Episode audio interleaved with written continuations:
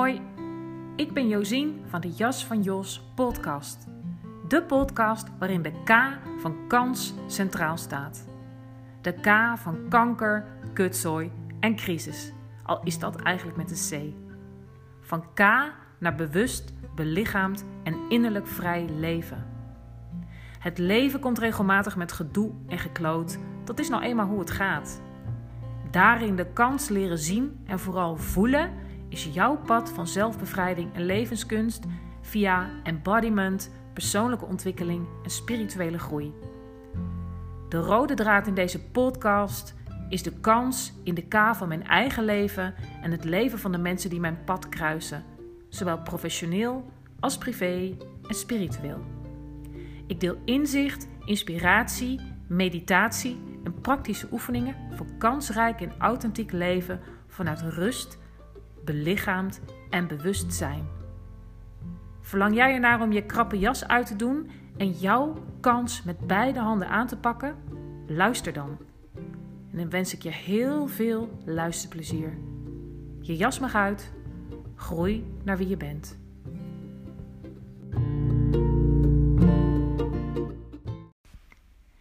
Hey, leuk dat je er weer bent bij een nieuwe aflevering van de Jas van Jos podcast.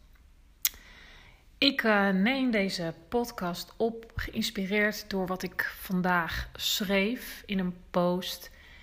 En uh, wat ik schreef um, in een paper met als werktitel Ode aan het lichaam.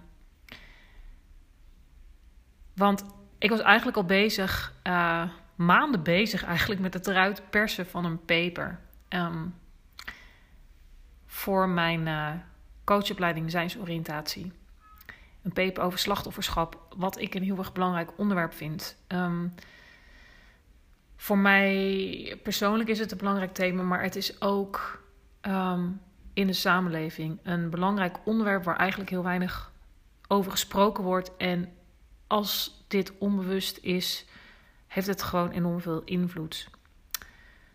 Um, maar ik merkte dat ik eigenlijk vastliep dat als ik ervoor ging zitten, dat er niet echt woorden op papier kwamen. En wat ik merkte is dat ik eigenlijk wil schrijven over het lichaam. Over lichaamsbewustzijn, embodiment en zijnsoriëntatie. En als ik daarbij stilsta, dan gaat het dus direct stromen in mij. In uh, zijnsgeoriënteerde coaching, training is het lichaam een heel belangrijk uh, uitgangspunt. Um, en überhaupt, het lichaam is enorm belangrijk. Ik werk heel veel met lichaamswerk bijvoorbeeld. Um, ja, want wil je komen tot zelfbevrijding, dan, dan moet je om te beginnen van de handelingsstaat, heb je me vast wel eens vaak over gehoord, dus eigenlijk van het doen, waartoe ook denken vaak behoort, naar de voelende staat zien te komen. En um, ja, vaak is dit een verlangen waar je je al dan niet van bewust bent maar wel een soort verlangen wat naar de oppervlakte komt borrelen om te voelen en om stil te staan, om, om een verlangen om voluit te ervaren. En wat er vaak gebeurt is dat de andere kant van de medaille ook meteen voelbaar wordt, dus dat je angst en weerstand daar gaat voelen. Want het verlangen is vaak net zo groot als de weerstand en de angst. En het verlangen is er omdat er een innerlijk weten is dat uh, voelen ja, noodzakelijk is om het leven voluit te kunnen ervaren en aan te gaan, zeg maar. Um, nou ja, en zo was dat verlangen en die weerstand en angst, was het bij mij ook. En ik zie het ook steeds opnieuw, elke keer bij cliënten. Een grote wens om uit het hoofd te komen, het lichaam te voelen, keuzes te maken vanuit gevoel. Maar ja, de vraag is dan, of de angst, wat als ik ga voelen? Wat gebeurt er dan? Gaat dan de beerput open? Kan ik dat wel aan? En al die dingen meer. Um, ja, je hebt het lichaam nodig om te kunnen ervaren. Dat zeg ik wel vaker. Je ervaring is alleen maar nu. Dus alleen in het nu kun je eigenlijk voluit ervaren. Um, en alleen in de gevoelde ervaring um, ben je dus in het nu en kun je ervaren wie je werkelijk bent. En dus ook wie je niet bent. En ik voel dus in al mijn vezels hoe waar dit is. In ieder geval voor mij. En ik zie het ook steeds um, bij cliënten eigenlijk. En um, als ik kijk naar mijn eigen proces, mijn eigen leven, dan is ook bij heel belangrijke thema's, als bijvoorbeeld slachtofferschap, um, ja, had ik dat niet kunnen doorvoelen, begrijpen, onderzoeken, als ik niet belichaamd was geweest. Het lichaam is echt de poort naar het voelen, naar de voelende staat. En het voelen, dus de voelende staat, is de poort naar zijn of de zijnstaat, zoals wij het noemen in de zijnsoriëntatie. En wil je jezelf echt leren kennen, jezelf echt werkelijk kunnen begrijpen, um, doordat je voelt wat er in je gebeurt, dus ook die lastige thema's, als je die onderzoekt, dan zul je dus in je lichaam moeten zijn, belichaamd moeten zijn. En um, ja, het leven, als je er echt naar gaat kijken, zit vol paradoxen. En de paradox, er is afstand nodig om echt dichtbij te kunnen zijn, is een hele belangrijke. Uh, ik, volgens mij deelde ik daar in de laatste, of ene laatste podcast ook over. Hè, dat ik, dat ik uh, zo um, beschreef wat, wat kan helpen. Dat als je, um, ik weet niet, is dat dan bijziend als je een leesbril hebt? Volgens mij wel. Nou, ik heb een leesbril tegenwoordig. En dat als ik een tekst dicht bij mijn ogen hou zonder bril, dan zie ik het wazig, zeg maar. Um, en pas als ik het een beetje van mijn gezicht afbeweeg, kan ik het helder zien. En ik vind dat wel een hele mooie metafoor. Dus om dat te verduidelijken, dat, dat je echt afstand nodig hebt om het helder te kunnen zien. En dus eigenlijk om dichtbij te kunnen komen. Um, en ja, voor dit vermogen is nodig dat je, dat je de waarnemer in jezelf traint ja, die kan aanschouwen en dus kan aansluiten bij dat wat er speelt. Dus de, op, de observator zijn die kan zien zonder overweldigd te raken of te dissociëren. Dus die, die, die voldoende afstand heeft om ook dichtbij te kunnen zijn. Echt een paradox, maar wel heel waar. Dus laat het maar eens op je inwerken. En om deze waarnemer te kunnen zijn, moet je voldoende um, vrij bewustzijn beschikbaar hebben. Um, ik bedoel, dat, dat vermogen moet er zijn. Um, en dit bewustzijn vergroten, dat kan eigenlijk alleen maar vanuit een voelende staat. Oftewel, dit werk staat of valt bij de mate van lichaamsbewustzijn en het belichaamd zijn. Dat is gewoon enorm belangrijk, een basis.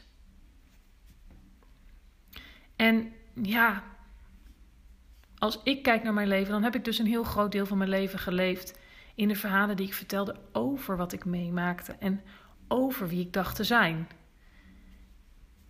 En weet je dat daar heeft die slachtofferpositie speelt daar ook een rol. En daar ga ik nu niet te, veel, te, te diep op in, maar ik vind het belangrijk om het toch nog even te noemen, juist om daar weer uh, om dat woord te noemen, omdat het zo'n belangrijk thema is wat veel herkenbaarder is um, in mensen en in de maatschappij dan we ons realiseren. En waar, wat, wat enorm veel effect heeft, zeg maar. Uh, en zeker dus niet altijd positief. En niet dat ik daar schuldig aan ben, maar ja, ik heb het zo geleerd. En ik heb het afgeleerd om te voelen als ik daarbij stilsta, dat is iets wat ik eigenlijk als kind heel goed kon. Wat een, eigenlijk een heel groot talent van mij was. Ik denk dat als er een kind was dat belichaamd was en vrij om alles te voelen en te uiten, dan was ik dat wel. Maar dat is voor ouders vaak ook lastig en veel. Voor de omgeving lastig en veel. Dus heb ik geleerd om te onderdrukken tot de druk zo opliep dat ik overspoelde. En dat is misschien voor jou ook wel heel herkenbaar ja, wat, dat, wat daar dan kan gebeuren is dat als je ouder wordt, hoe meer je je dan in je hoofd verschanst. Juist omdat er zoveel te voelen is. En dat is voor mij heel herkenbaar. De veelheid aan gevoel, maar niet bij macht te zijn, dat constructief te uiten of te reguleren. En dat zorgt voor een toename van innerlijke spanning. En zo'n onveilig gevoel kan een verhaal worden over onveilig zijn. En dan kom je eigenlijk in een soort visueuze cirkel terecht, want dat versterkt elkaar. En als je dan ook nog latere ervaringen in je volwassen leven hebt, als ik naar mijn eigen leven kijk, zoals bijvoorbeeld problemen met um, veel miskramen en het verlies van mijn kind, die droegen eigenlijk bij aan een gevoel van onveilig zijn in mijn lichaam en als het ware slachtoffer zijn van het leven. En paradoxaal genoeg was dat eigenlijk tot ik kanker kreeg. Ja, nog onveiliger voelen in je lichaam dan bij het hebben van kanker. Dat kan toch eigenlijk niet? Dat is wat ik dacht. Totdat het tegendeel eigenlijk waar uh, bleek en ik eigenlijk door de kanker tot stilstand gedwongen werd. En toen kon ik het ineens zien als een soort ultieme uitnodiging van het leven om stil te staan en om te luisteren en om te voelen. En ja, nee, dat is niet op de, van de een op de andere dag gegaan, maar ik kan dat nu wel heel helder zo zien en ook voelen dat dit heel waar is voor mij. En ook om te leren heel lief te zijn en dichtbij te zijn. Zo van, ja, zo'n stem van, als je je vrij wil voelen en tot bloei wil komen, stop dan met hollen, niet voelen en verhalen vertellen. En misschien herken jij dat ook wel. Um, en dit alles is geen gemakkelijke opgave, maar wel heel bevrijdend als je het durft aan te gaan. En uh, ook die boodschap zal niet nieuw zijn als je deze podcast vaker luistert. Het is een steeds doorgaand proces van elke keer opnieuw bewust je voeten voelen en je gegrond weten. En ja, dat, dat is echt hoe ik het zie. Pas met je voeten op de grond. En dat is ook heel letterlijk zo. Want wat ik steeds zie, is dat bij cliënten bijvoorbeeld, dat ze vaak dus niet eens voelen dat er voeten zijn. Dat ze het contact met de grond moeilijk kunnen uh, voelen. Maar pas met je voeten op de grond kun je wortels schieten en echte veiligheid ervaren. Ook dus om aan te kijken wat je liever niet aankijkt. En met stevige wortels is het ook mogelijk om uit te groeien en te bloeien. En is het gewoon veel minder eng om de verbinding aan te gaan met alles in jou, maar ook met andere mensen. En om je meer je, ja, je ware gezicht te laten zien in de wereld, als het ware. En hoe ik het zie, dan wordt je waarheid waarachtig en wordt liefde zuiver. En dat is gewoon iets super moois. En uh, ja, dan denk ik ook aan uh, het jaar van zijnsoriëntatie, waar ik onlangs mee begonnen ben, dat in het teken staat van ja, bevrijding van het energetisch systeem, werken met het bekken, met levensenergie, met boosheid en haat. Um, veel met lichaamswerk en visualisatie. Dan klopt dit zo bij alles wat ik nu schrijf en zeg. En dat ik een steeds groter wordende passie voel voor de lichaamsgerichtheid in mijn werk. Als het, ook als het, als het gaat om zijnsoriëntatie, maar ook over yoga, over de adem, over lichaamswerk, meditatie steeds is het de lichaamsgerichtheid die zo klopt. En um, ja, dan voel ik dus een verlangen, een groot verlangen om het lichaam steeds meer kern te maken van mijn werk.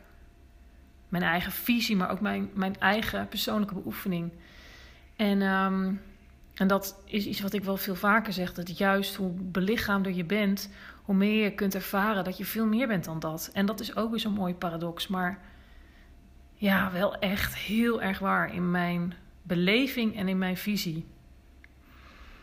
En ik merk gewoon dat er ruimte in mijn lichaam ontstaat als ik hierover praat, als ik hierover schrijf. Dat ik dan, terwijl ik dat doe, kan waarnemen. Dat ik dat kan waarnemen, hè? omdat ik juist belichaamd ben, wat ik heel lang niet ben geweest. Dan voel ik dat er verruiming optreedt in mijn lijf, dat mijn ademruimte toeneemt ja, dat er kippenvel ontstaat. En um, dan klopte het onderwerp van die paper echt heel erg. Een ode aan het lichaam. Het lichaam poort naar zijn. Van doen via voelen en lichaamsbewustzijn naar belichaamd bewust zijn. Ja, dat vind ik gewoon echt heel gaaf. Dus dat, uh, dat maakt me gewoon heel blij. En um, Ja, ik denk dat ik dan gewoon het stukje wat ik vanmorgen schreef gewoon voorlees. Um, ik kan hem nog helemaal vertellen, maar dan weet ik dat ik ga uitweiden en ik zit nu al op 13 minuten. Dus ik ga het gewoon voorlezen. Voorbij het verhaal. Ik weet het vanuit ervaring. Van ervaringen leer je. Maar wat betekent dat eigenlijk ervaren? Eigenlijk betekent het de gevoelde ervaring. Dus voorbij het praten, voorbij woorden, voorbij wat je gelezen hebt, voorbij de verhalen die je vertelt, voorbij de verhalen over de ervaring. Let maar eens op als je in het contact bent met iemand anders. Ik wilde eigenlijk zeggen in gesprek, want dat is meestal wel hoe het gaat. Maar de volgende keer als je in contact bent met een ander, wat gebeurt er dan? Let maar eens op. Ben je aan het ervaren of vooral aan het praten? Praten over. Ik heb zelf lang opgesloten gezeten in de verhalen. Over wat ik meemaakte, over wie ik ben. En dat is vooral een cognitief gebeuren. Natuurlijk roept dat van alles op. En het houdt van alles in stand. Want een verhaal vertellen, zeker over iets wat niet fijn is, belet je eigenlijk tot het opdoen van een nieuwe ervaring. Je identificeert je met je verhaal en de emoties die daarbij horen. En dan blijf je eigenlijk gevangen en voorkomt het dat je groeit. En daarom vertel ik steeds over het belang van de gevoelde ervaring en voorbij het praten en je verhaal gaan.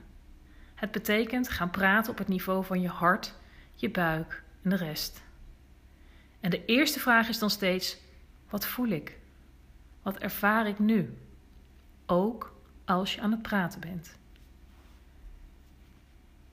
Daarom vertel ik weer over het belang van lichaamsbewustzijn. Je voelt via je lichaam. Je hebt het nodig om echt te kunnen ervaren.